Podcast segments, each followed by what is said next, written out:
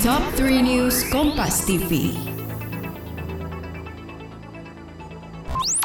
Halo sahabat Kompas TV, kembali lagi di Top 3 News Kompas TV bersama saya Edwin Chan. Nah, hari ini pada hari Selasa 22 Maret 2022. Nah, angkanya cantik nih sahabat Kompas TV. Kira-kira ada berita populer apa saja yang terjadi dari pagi sampai malam hari? Sahabat Kompas TV untuk berita yang pertama, Presiden Joko Widodo menyatakan bahwa perekonomian dunia mulai bangkit dari pandemi virus corona. Namun beliau juga menyatakan bahwa dampak dan imbas dari perang Rusia-Ukraina membuat pusing semua negara.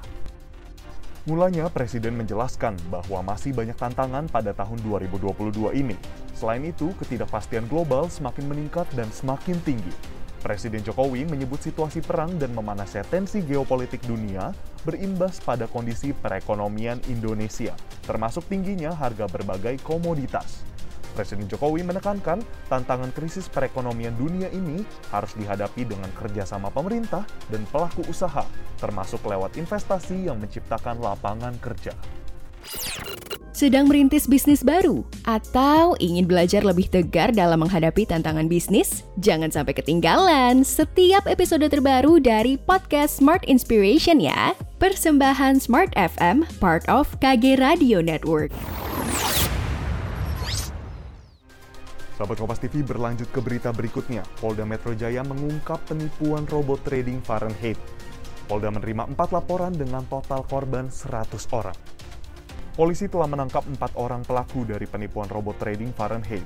Para tersangka menjanjikan trading melalui robot trading Fahrenheit ini selalu untung dan tidak akan merugi. Seluruhnya berperan sebagai direktur, pengelola uang, hingga konten creator robot trading Fahrenheit. Dalam pengungkapan ini, polisi menyita beberapa barang bukti, berupa barang bukti transaksi kendaraan mobil hingga apartemen. Sebagai berita yang terakhir, sahabat Kompas TV, nama Rizky Bilar ikut diperiksa oleh Bares Krim Polri terkait tersangka Doni Salmanan. Ditemani oleh sang istri Lesti Kejora, Rizky Bilar diperiksa oleh penyidik Bares Krim Polri sekitar 2 jam. Rizky Bilar mendatangi Bares Krim Polri Jakarta untuk diperiksa penyidik terkait kasus uang panas Doni Salmanan yang telah ditetapkan sebagai tersangka.